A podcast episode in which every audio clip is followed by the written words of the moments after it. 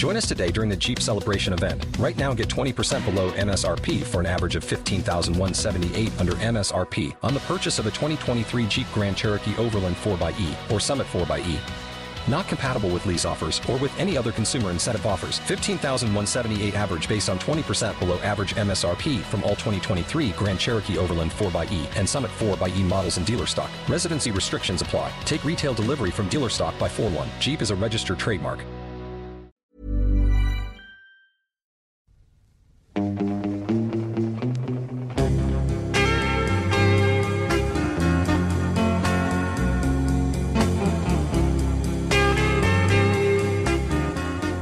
Välkomna till Glappet. Jag heter Fredrik. Jag heter Matilda.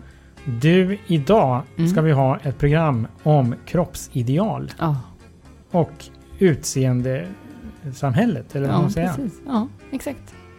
Det kommer bli vrålspännande tycker jag. Alltså, Mm. Det är verkligen någonting som alla våra barn lever i hela tiden. I en stridström av reklam, tv-program, YouTube-filmer, Mm. vanliga filmer. Alltså överallt ser man ju människor och hur ser de ut. Mm. Och normer kring hur, hur våra barn vill att vi ska se ut. Och hur de tycker att de borde se ut, tänker Mm. jag. Och för att eh, liksom guida oss igenom det här så har vi med oss Carolina Lunde från Göteborgs universitet. Det är så mycket göteborgska idag. Ni kommer behöva tvätta öronen efteråt, alla ni som lyssnar. Det är så underbart. Välkommen hit. Tack. Du är docent vid psykologen Mm. på Göteborgs universitet. Och om jag läser lite innantill eh, så är det så att du håller på med till exempel eh, människors kro- kroppsuppfattning. Det står tankar, känslor, attityder och beteende som rör kroppen. Yes. Och framförallt för ungdomar och barn. Ja, stämmer bra. Eh, och sen läste jag också på lite grann kring dina olika forskningsprojekt som du är involverad i. Och jag tänker att vi kommer säkert att beröra det eh, under poddens gång. Men jag bara nämner det snabbt. Eh, Own your body heter den ena som handlar om Mm. sexting. Mm. Som jag tänker också är ett sånt där ämne, vilket är fruktansvärt att säga, men som har varit på tapeten Ja. under sommaren också med Linnea eh, Claessons sommarprat. Som Mm. också pratar mycket om att hon får bilder skickade till sig. Så Det är alltså att man får man har avklädda bilder som skickas på något sätt. Du är också involverad i Print. Som, eh, där det handlar om ungas attityder kring med plastikkirurgi. Ja. Också tänker jag ett ämne som vi säkerligen kommer beröra. Eh, tje, tjejiskt, ska man säga så? Mm. Jag vill säga Precis. tjetjenigt. Tänkte, Nej, det är för Tjej. Det är det var lite inte-. Den men jag, jag, jag gillar ändå, det är ändå Göteborg. eh, och det handlar om eh, tjejers idrottande, självbild, kropp och träning. Mm. Mm. Så att eh, det här känns ju som att vi skulle kunna hålla på och göra tre program med de här olika forskningsprojekten du är inblandad i. Men vi får väl se helt enkelt var vi, Mm. var vi landar. Du är varmt välkommen hit i alla fall. Tack så Yes. Jag jag undrar om inte man ska liksom börja eh, någonstans i botten på eh, kartongen Mm. och prata om det här med kroppsideal. Mm. Hur växer kroppsidealet fram i samhället? Och vad är det till att börja med? Om vi börjar där till att börja med. Ja, kroppsideal handlar ju om att det finns eh, normer eh, om hur människor bör se ut. Eh, och hur de växer fram, man, man kan ju säga det, och det är ibland en invändning som man kan få så när man pratar om skönhetsideal idag.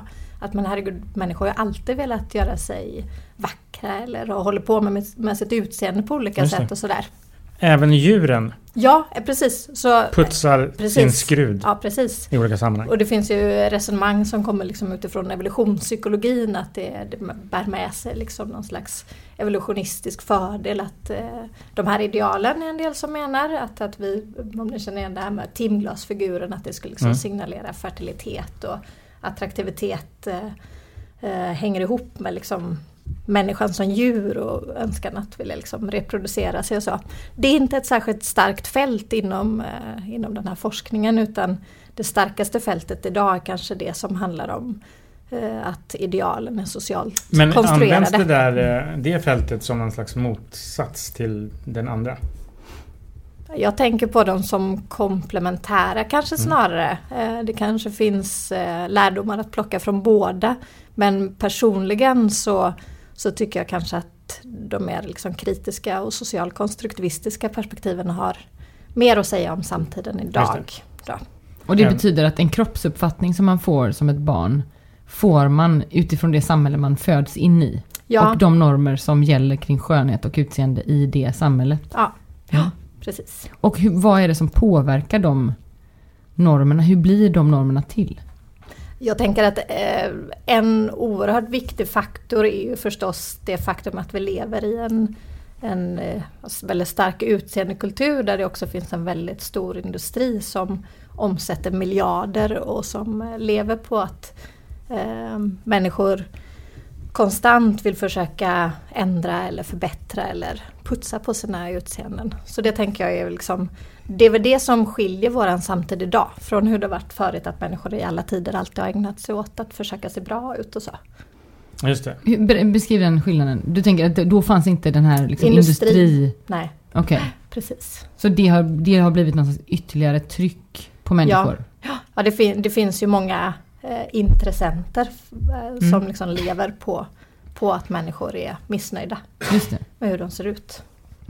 Eller att kroppen, för det är väl också det som utmärker eh, vår samtid med en väldigt stark individualistisk trend och där kroppen ses som ett projekt och att man själv är ansvarig för hur man ser ut. Att det också finns en idé om att bara man jobbar tillräckligt hårt så kan du se ut som de där idealbilderna. Just det. Men finns, det, finns det belägg eller någon substans i det här att eh, snygga eh, människor är eh, mer framgångsrika? Och, Ja, det är ju en Eller får väldigt... fler jobb eller bättre jobb? Eller? Ja, eh, det är ju en väldigt bärande del i den här utseendekulturen. Att man eh, kopplar samman liksom eh, attraktivitet eller att se bra ut då med framgång. På olika sätt framgång att man är framgångsrik, att man är socialt kompetent, att man är lyckligare, eh, har bättre relationer och så vidare. Det finns massa sådana föreställningar som liksom sätter ett likhetstecken mellan det som är Mm. vackert och det som är bra. Ehm, Men är det skap, mera skapade bilder? Jag tror att det handlar om att... eh, Måste det nästan vara. Ja, absolut. Och det finns, det finns... Ibland kommer det studier som visar så här, men ni har säkert hört om dem, att längre personer är i högre grad i ledarpositioner och Mm. så vidare. Så att det skulle Det har jag hört hela någon mitt sån. liv. Jag är väldigt kort. Precis. och eh, jag vet inte, jag har aldrig Är fattat... det då du ska få revansch? det är alla, det är alla fel. Helt enkelt. Ja, alla fel. Precis. Här står vi och gör en podd. Och, och, men det finns också så att eh, att det finns inget, alltså det, man, någonstans kan man ändå konkludera att det är en föreställning att eh, människor som ser bra ut eh, också skulle vara lyckligare som personer. Mm. Eh, Den, det är en myt som, som liksom forskningen kan slå hål på.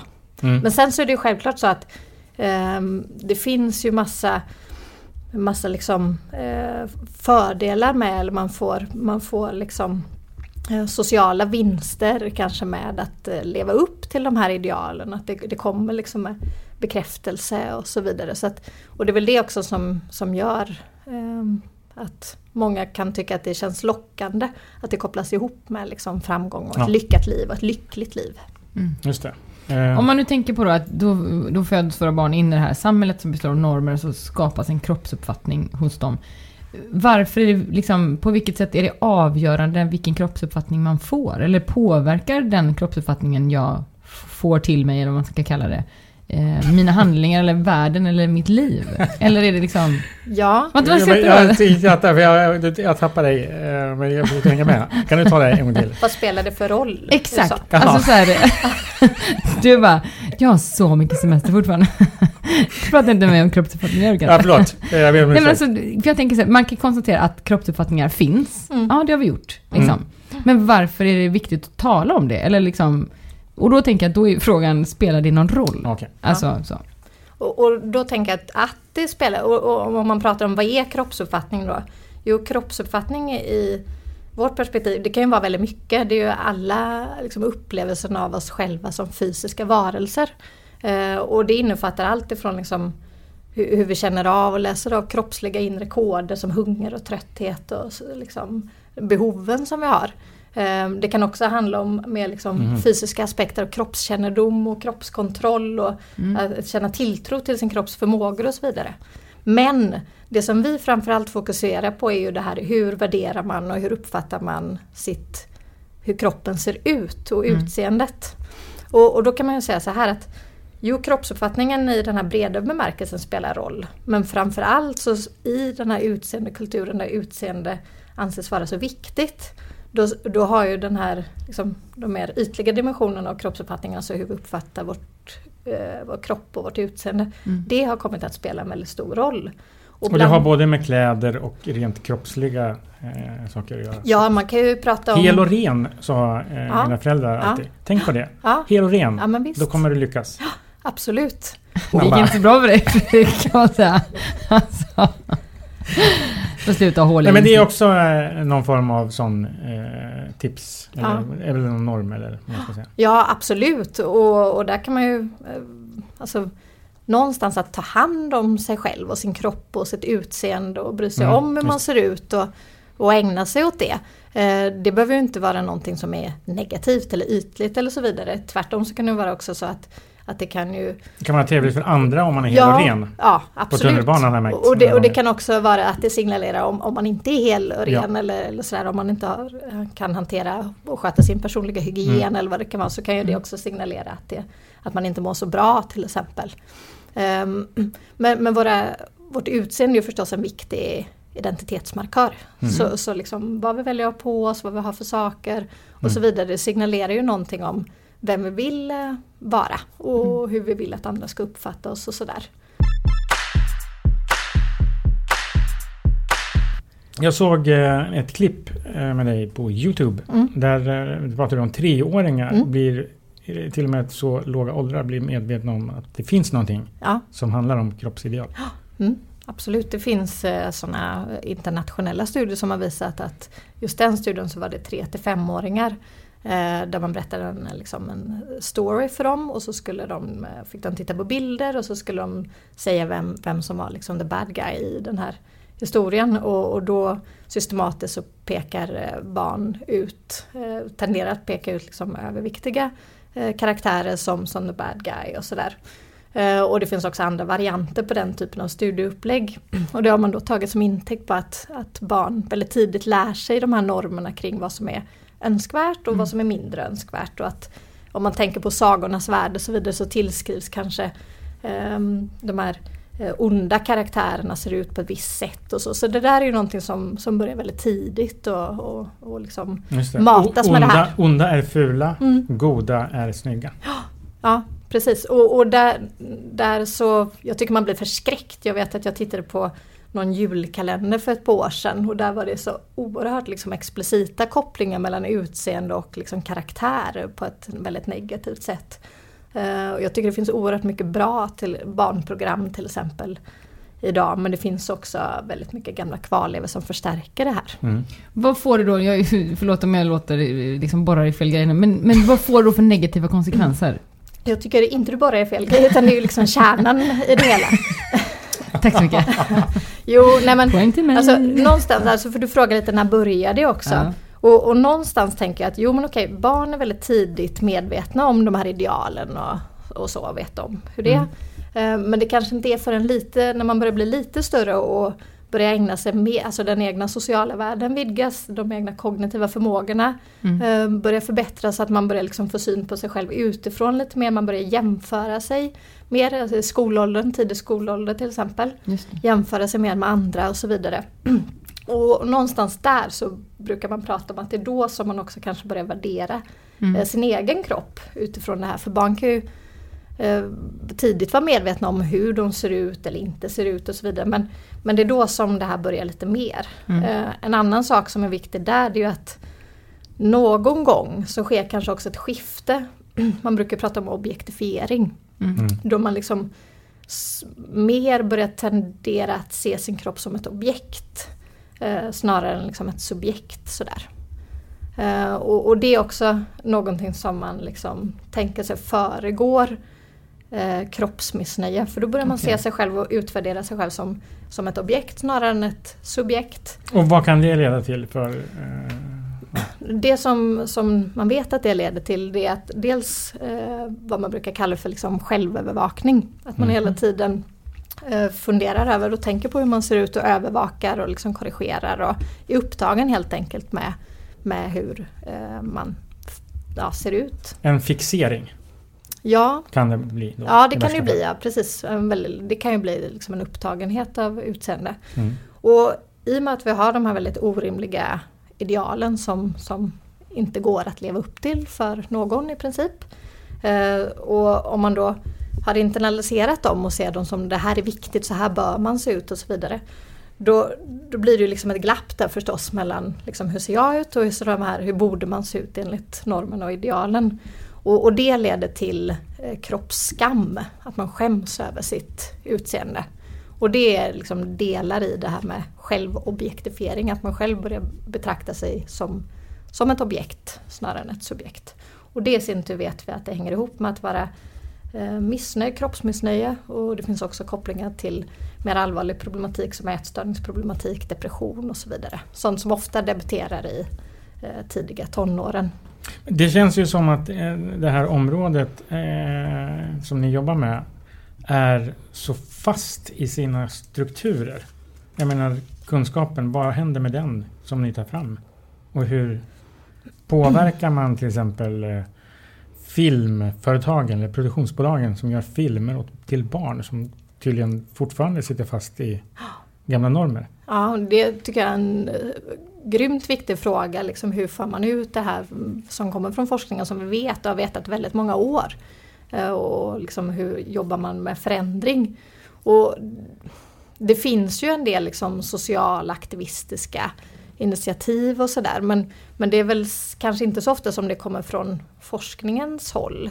Eh, det finns några internationella exempel där man jobbar liksom aktivt. Man till exempel jobbar med eh, skönhetsföretag för att de ska ta mer socialt ansvar och sådär. Mm. Men sen så är det ju genom sådana här kanaler som det skulle jag tro liksom den mesta forskningen i Sverige mm. liksom landar. Eh, och även förstås liksom inom eh, behandling och sådär. Mm. Om man nu tänker att man lyssnar på den här podden och så har man ett barn som man känner igen har rört sig mot liksom kroppsmissnöjet och självövervakningen och kroppsskammen och sådär. Har du några liksom tips eller råd kring vad behöver man tänka på som förälder? Ja. Um, Även generella råd. Vad ska ja. vi, liksom, vi som har barn som ännu inte har, har hamnat där för de är lite för små. Ja. Ehm, då, men apropå att vara, liksom, vara för liten så tänker jag att man kan inte börja för tidigt för mm. att liksom, hantera de här eh, frågorna.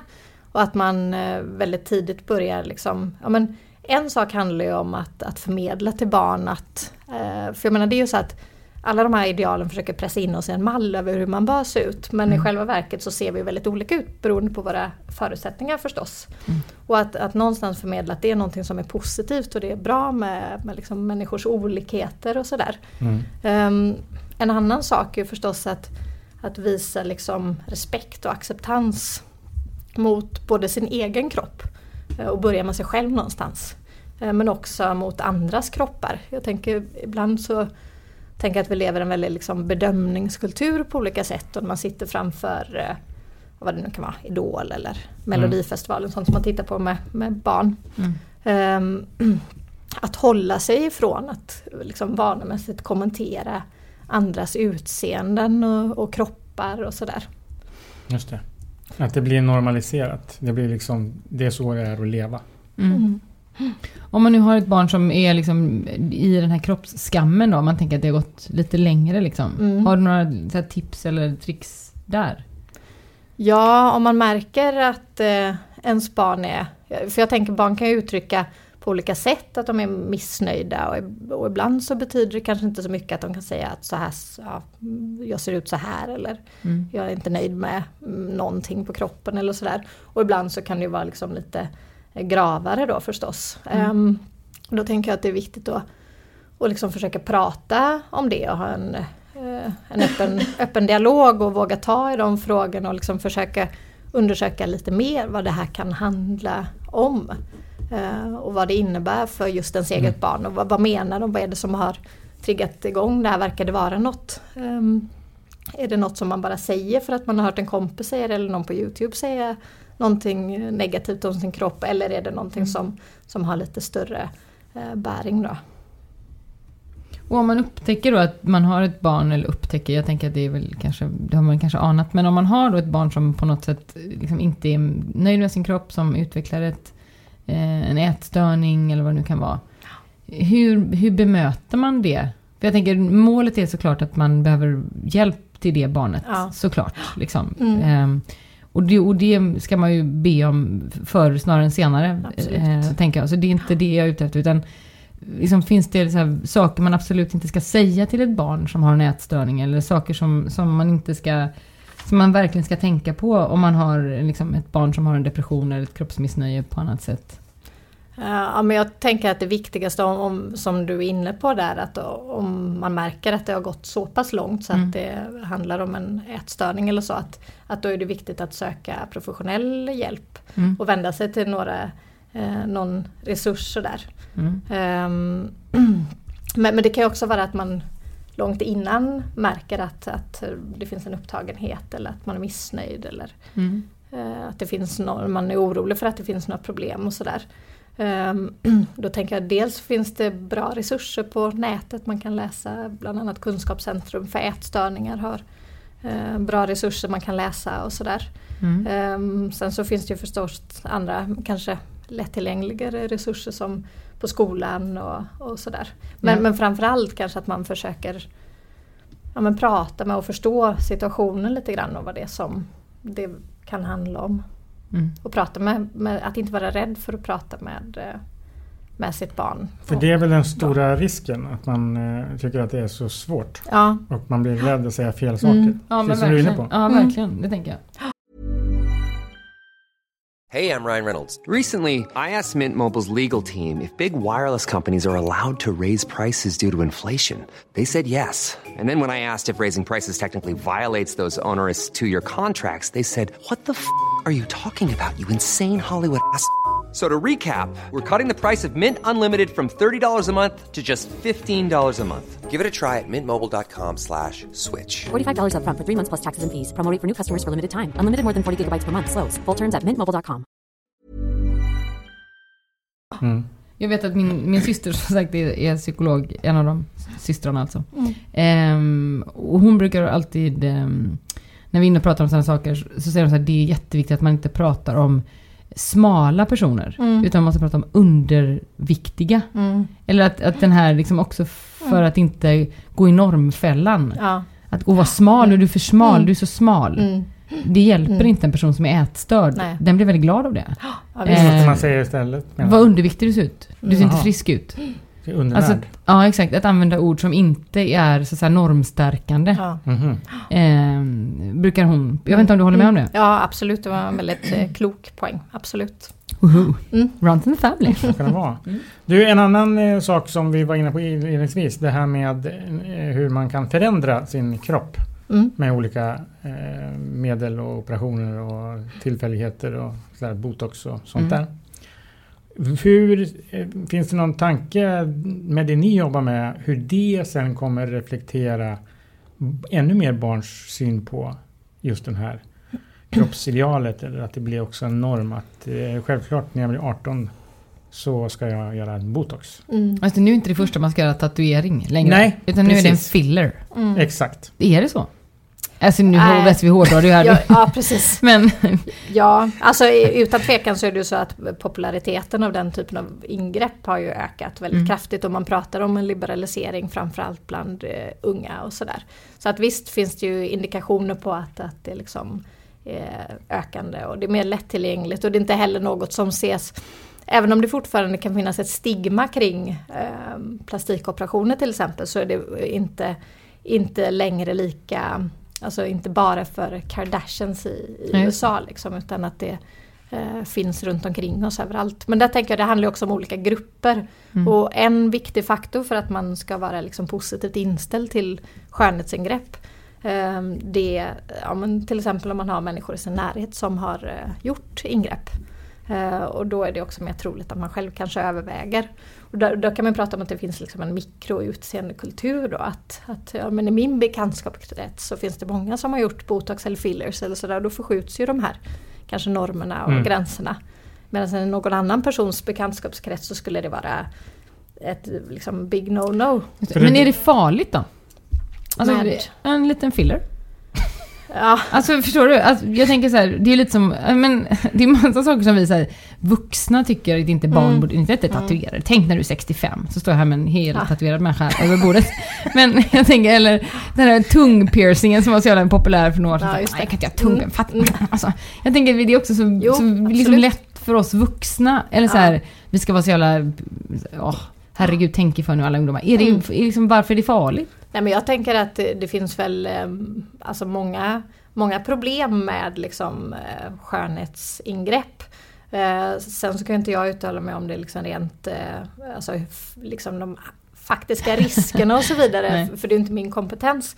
Men det som jag tycker är liksom faran är att man förstärker bilden av att kropp, alltså man, man kan ändå se Mm. att den här typen av ingrepp hade inte funnits om vi inte hade haft de här idealen. Just det. Just, Och, och man förstärker ju liksom bilden av eh, att kroppen går att fixa och, och Mm. omforma och att det är ganska så lätt att göra det. Och, precis som att man ska, för, för jag menar den vanligaste drivkraften att göra ett ingrepp är att man är missnöjd med det. Och då pratar vi kanske inte om fillers och botox i första hand, nej. men mer liksom skönhetsingrepp. Mm. Och den vanligaste drivkraften är att man är missnöjd med den aspekten av utseende som man vill åtgärda.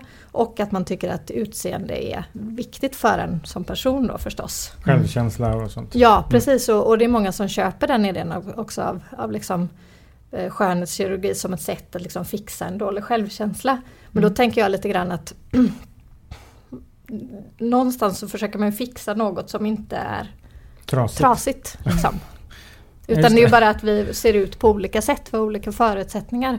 Och det tycker jag väl är problematiskt. Ja. För ett par år sedan så fanns det också, eller ett par år sedan, det var inte så länge sedan, så var det lite ramaskri om någon app för, eh, för barn som, som gick ut på att man skulle liksom eh, ändra utseendet med liksom ingrepp man kunde spruta i. Aha, på sig själv då förstås.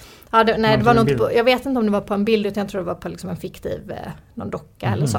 Man kunde liksom hålla på, jag kommer inte ihåg vad den hette men det Mm. blev ramaskri och den drogs tillbaka. Ehm, och, och, och ja, jag kan ändå, så här, jag, jag tycker att det är jätteviktigt att inte skam och skuldbelägga individen Mm. som kanske väljer att göra ett ingrepp. Mm. Men däremot så tycker jag att det är viktigt att sätta strålkastarljuset på de normer som, som gör att det överhuvudtaget eh, eh, ökar så mycket med Just det. För, skönhetsingrepp. och, eh, för risken är att eh, om man, det här går överstyr så kommer allt fler människor få en sned uppfattning om kroppen och kanske också må dåligt. Ja, för då tänker jag att självhatet är det som ökar. Mm. Alltså, beko- alltså kostnaden för fler fillers är att fler kommer att vara missnöjda med sin kropp och inte må bra. Liksom. ja, det, det Om man ska hårdra det. Ja det kan jag ändå. Och sen så är det också så att jo men för, för det, det går inte heller att sticka under stol med att personer som eh, gör ett ingrepp kanske för att de är väldigt missnöjda med någon del av kroppen eller sådär. eh, De kanske blir nöjdare också. Att det, det Mm. liksom Ja. leder till något positivt för individen. Eh, Men, och det är ju, så så är det ju Mm. liksom. För, som vi pratade om innan det här att det finns ju många liksom, eh, sociala fördelar och eh, bekräftelse och leva upp till normer och, och känna sig lite stolt över hur man ser ut och sådär. Mm. Eh, men, men det finns liksom i forskningen så eh, en, en fråga som inte alls är löst är ju huruvida det här ger upphov till en positiv förändring för kroppsuppfattningen till exempel på sikt. Eller hur varaktig den här förändringen är och om det verkligen hänger ihop med en, en bättre självkänsla på sikt. Mm. Eller är det liksom just då då man kanske får positiv feedback från andra och känner sig lite nöjd med sig själv. Just det. Och det du är inne på, tatueringen när man är 65. Ja, exakt. Det är den. Alltså det är den. Ja. Piercingen kan du i alla fall ta ut tungan. Jag förstår. Eh, men det Eller så är det här, jag som är jävla fegis. Så att, eh, ja, jag, Men jag värderar inte det tidigare. Eller med längre. Ja. jag tänker att det här blev eh, så... Nu var vi inne på de svåra bitarna, å ena sidan och å andra Mm. sidan. Och det är liksom, visst, människor gör ingrepp och kommer att må bra. Hur länge vet vi inte. Nej. Men, men också en förändring i eh, utseendeidealet, eller vad säger man, kroppsidealet. Mm. Mm. Det blir ju knepigt. Ja, det jag tycker det är jättesvårt. Och framförallt så tänker jag, om jag tänk, går till mig själv, om, jag, om då någon av mina, jag har ju två döttrar. Jag tänker att det här är mer ett kvinnoproblem, inom situationstecken om man nu tänker att det är ett problem, än ett mansproblem. Liksom. Eh, Jag, vet, om- jag har en del eh, Facebook-vänner som eh, kanske också borde lyssna på det här faktiskt. Bra! Med Tipsa såna, dem, eh, pingar vi in dem sen när vi... lägga ut. Ja, just det. Kroppsbyggartyper. Men, Det var men du som sa det. Ja, har som sa det. Men det, det tänker jag också på ibland för det är också en, en, eh, en föreställning att när man tänker på kroppsuppfattning och så vidare så tänker man ofta på, på tjejer, tonårstjejer och man tänker på ätstörningar och så vidare. Men eh, en grupp som ni är inne på då som Mm. faktiskt osynliggörs väldigt mycket i det här det är ju eh, killar och unga Mm. män och sådär som där man också pratar om, även om inte det riktigt är belagt i forskningen, men att eh, man pratar om att kroppsmissnöje ökar, att det finns Just. en ökad objektifiering av manskroppen och så vidare. Eh, och att det finns killar som liksom har gått igenom eh, att de lider av en, eh, ett väldigt starkt kroppsmissnöje och sådär. Och att det är väldigt mycket osynliggjort och tabubelagt och ingenting man riktigt Mm. kan, kan prata om. Och, och det gäller i synnerhet, det finns en del studier som också visar att kroppsmissnöje hos män kan också hänga ihop med att man har eh, man stödjer liksom väldigt traditionella maskulinitetsnormer av liksom Mm. den stora starka Lyfta bilar. mannen. Ja precis, Sånt. lyfta bilar Som och man sånt. gör nu för Som man tiden i gör, samhället. precis. Eh, och att i och med att det hänger, så att då, om man skulle då hårdra den typen av forskning och de resonemangen. Så de män som eftersträvar det, den liksom stora muskulösa mannen, det manliga idealet, är samtidigt de män som tycker att män inte ska prata om känslor och om man liksom det. gör det extremt det. stereotypt då. Men kommer det där förändras med, i, i takt med att samhället förändras och våra arbetsuppgifter? Jag menar, de flesta kanske sitter i ett kontor som vi gör med en Mm. dator. Då behöver man ju inte alls muskler, känns det som. Nej, nej. Man kan bara tyna bort och bli... Mm. Men, men, men kanske också att det, för, för jag menar det som har varit gemensamt för det manliga idealet över tid är ju det här med, ja, med muskler kanske då framförallt. Eller lean muscularity som man pratar om att man ska vara lagom muskulös, se vältränad ut sådär. Man se frisk ut. Ja, ja hälsosam och frisk, alltså Ja. hälsoidealen sådär. Eh, och och det, det finns ju där. Samtidigt så för kvinnor så har ju liksom det här med smalhet varit eller att vara underviktig som ju då är Mm. ännu bättre för det är Mm. faktiskt det, så gravt underviktig liksom i Mm. många fall som det handlar om. Har ju varit ett väldigt starkt ideal väldigt, väldigt länge. Och en del skulle hävda att eh, kvinnor kan liksom inte kosta på sig att eh, skita i utseendeidealen medan män kan göra det för de kan liksom hävda sig på andra domäner. Mm. Men också i takt med att eh, ja, de här eh, idéerna och föreställningarna och normerna kring, kring kön och könsroller och så vidare luckras upp så, så skulle man ju också kunna säga att det, även de idéerna luckras upp lite grann. Mm. För jag tänker att det är en jätteviktig poäng. Vi gjorde ett program i första säsongen. Coolt att vi kan säga första säsongen. Mm. Vi bara, vi har andra säsongen nu. Ja, Just det. i alla fall. Eh, med eh, Kitty Jutbring. Och då pratade vi ganska mycket om normer just. Ehm, och också den här uppfattningen om att eh, det, handlar, det, här handlar inte om att män inte ska få vara män inom citationstecken. Utan det handlar om att paletten ska erbjudas alla. Att om man är man och inte vill vara musklig så är det okej. Om man är kvinna och inte vill vara underviktig utan liksom överviktig, då är det okej. Alltså att, att den där liksom, att, och att det är det vi måste sträva efter hela tiden i Mm. samhället. Att bryter vi könsnormerna så betyder inte det att vi tar bort könen. Eller att människor inte får vara... Mm. Det handlar ju det handlar ju om att människor får vara som de Ja. är och inte som de förväntas vara. Mm. Eh, och det tänker jag också är jätteviktigt som du är inne på att det, det är såklart att det här också hänger ihop med det. Jättetydligt. Mm, Liksom. Absolut. Och, och där tänker jag också att ja, men just de här, om man pratar just om kroppsuppfattning som, som är väldigt lätt på att tänka ur ett väldigt könat perspektiv. Mm. Ehm, så, så tänker jag att det finns ju också idag eh, tycker jag mig se liksom en rörelse av liksom väldigt starka röster, feministiska röster, det finns motreaktioner mot de här idealen och kroppsaktivism och Mm. unga eh, ja, men ascoola tjejer som är grymma förebilder och som Mm. för liksom eh, unga tjejers talan. Men, men där funderar jag lite ibland på att eftersom vi vet att det här i allra högsta grad kan vara ett bekymmer för, för killar Mm. så funderar jag lite på vad finns förebilderna för, för liksom unga killar och sådär. Att, att, jag tycker inte man hör dem lika mycket i debatten och, Just det. och sådär. tänker Nej. jag kan vara viktigt också. Verkligen.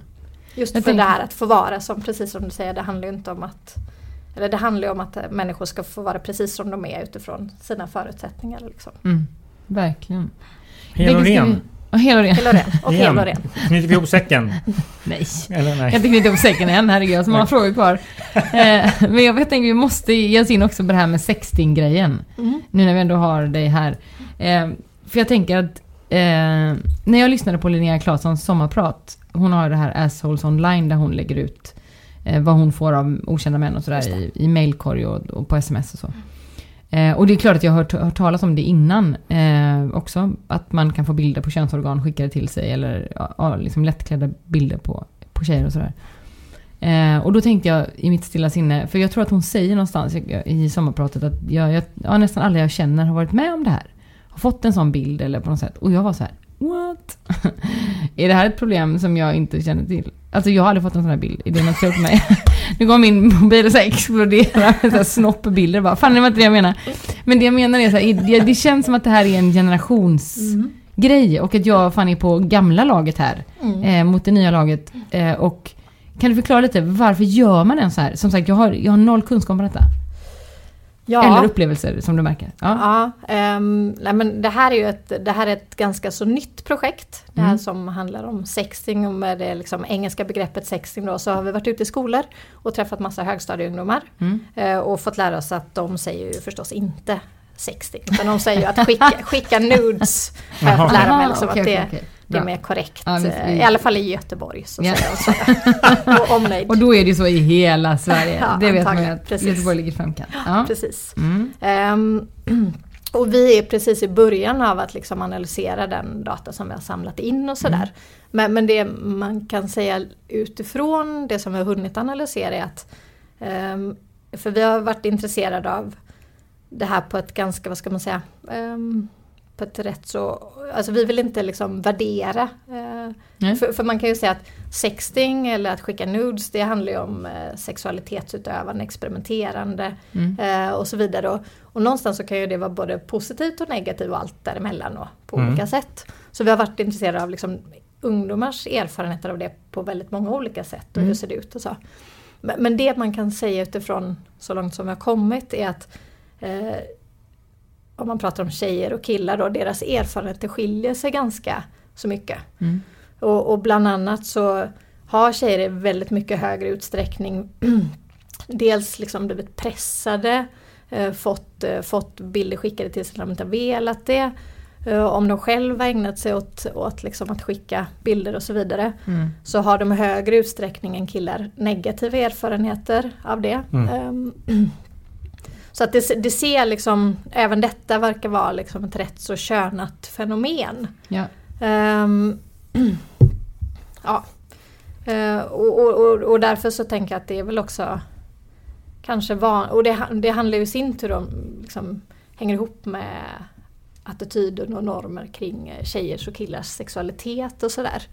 Um, och där det finns kanske ett större friutrymme för, för killar att att liksom eh, ägna sig åt sexting och där de också upplever det kanske på ett mer positivt sätt mm. än, liksom vad tjejerna gör. Sen så är det förstås inte alla eh, tjejers erfarenheter att det varit något negativt men om man kollar liksom på, på medelvärden mm. när man ställt sådana frågor så, så ser vi att det är mer negativt hos tjejerna än hos killarna.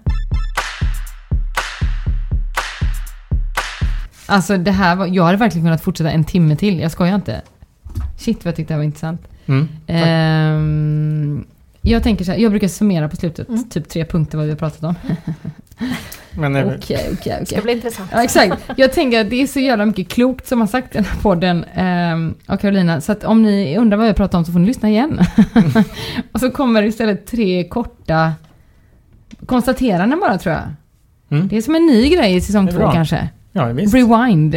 Lite reflektion. Ja, precis. Tre reflektionspunkter. Den, den första eh, punkten som jag tänker är så jäkla viktig, eh, som också går igen i andra poddar vi har gjort, det handlar ju om att kraven och idealen är orimliga. Mm. Det är liksom bottom line i det vi håller på med i vårt samhälle nu. Vi håller på att snurra in oss liksom i ideal som ingen människa kommer leva upp till. Som bara kommer att skapa ångest, dåligt samvete, skam, skuld, jävla skit liksom. Mm. Och allt för en del. del. För alla, alltså för alla. tror jag. Aha, okay. Eh, det här är en mm. personlig egen reflektion jag slänger in här nu. Um, för jag tror att det är det som, du får protestera nu Karolina om jag har fel på det. Att jag tror att det är det som, som liksom, lite som vi var inne på så här, varför det är farligt med botox eller fillers. Nej, det mm. kanske inte är så jävla farligt fysiskt. Men vi förflyttar gränser åt ett håll som gör att vi aldrig kommer att kunna nå upp till något mål. Vi kommer inte ens vara i närheten. och det tror jag skapar liksom en känsla av otillräcklighet hos oss människor. Och vi tycker inte om att vara otillräckliga.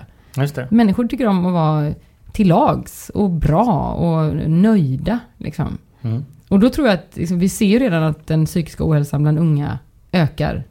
Och det är klart att jag tänker att normer och den här typen av, av liksom hets och fixering bidrar till det. Mm. Och alla, jag håller med om det, att alla påverkas ju av, av normer och ideal. Oavsett så på, man kan inte låta bli och inte påverkas av, av det. På något Nej. sätt. Och därför tänker jag att när man känner så här, nej men om jag skulle ta en liten filler. Tänk istället, gör en tatuering.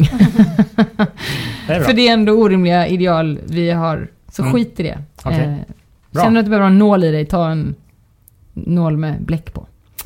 Eh, det kommer, kanske, när hela den här poddserien kanske slutar med att jag gör en så här draktatuering på ryggen, Ja. alla Lisbeth Salander. Den här podden är eh, sponsrad av E Street Tattoo. Om någon undrar alltså. Ja, någon undrar. Ja, det, eh, det, det händer tydligen samma. Eh, det var det ena. Det är orimliga ideal. Eh, jag tänker att nummer två.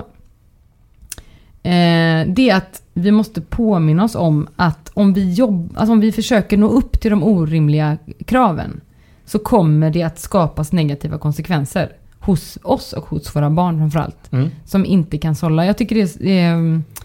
Din avhandling hette någonting som handlade om att så här, du kan inte värja dig från normer. Nu Fritt översatt från din engelska titel här. Men att det, du kan liksom inte undvika att bli påverkad. Mm. Eh, och det tycker jag också är, som jag tar med mig härifrån, att så här, vi lever i det, vi är i det, vi kommer att påverkas. Lite som du sa precis. Mm. Det tycker jag också är en viktig...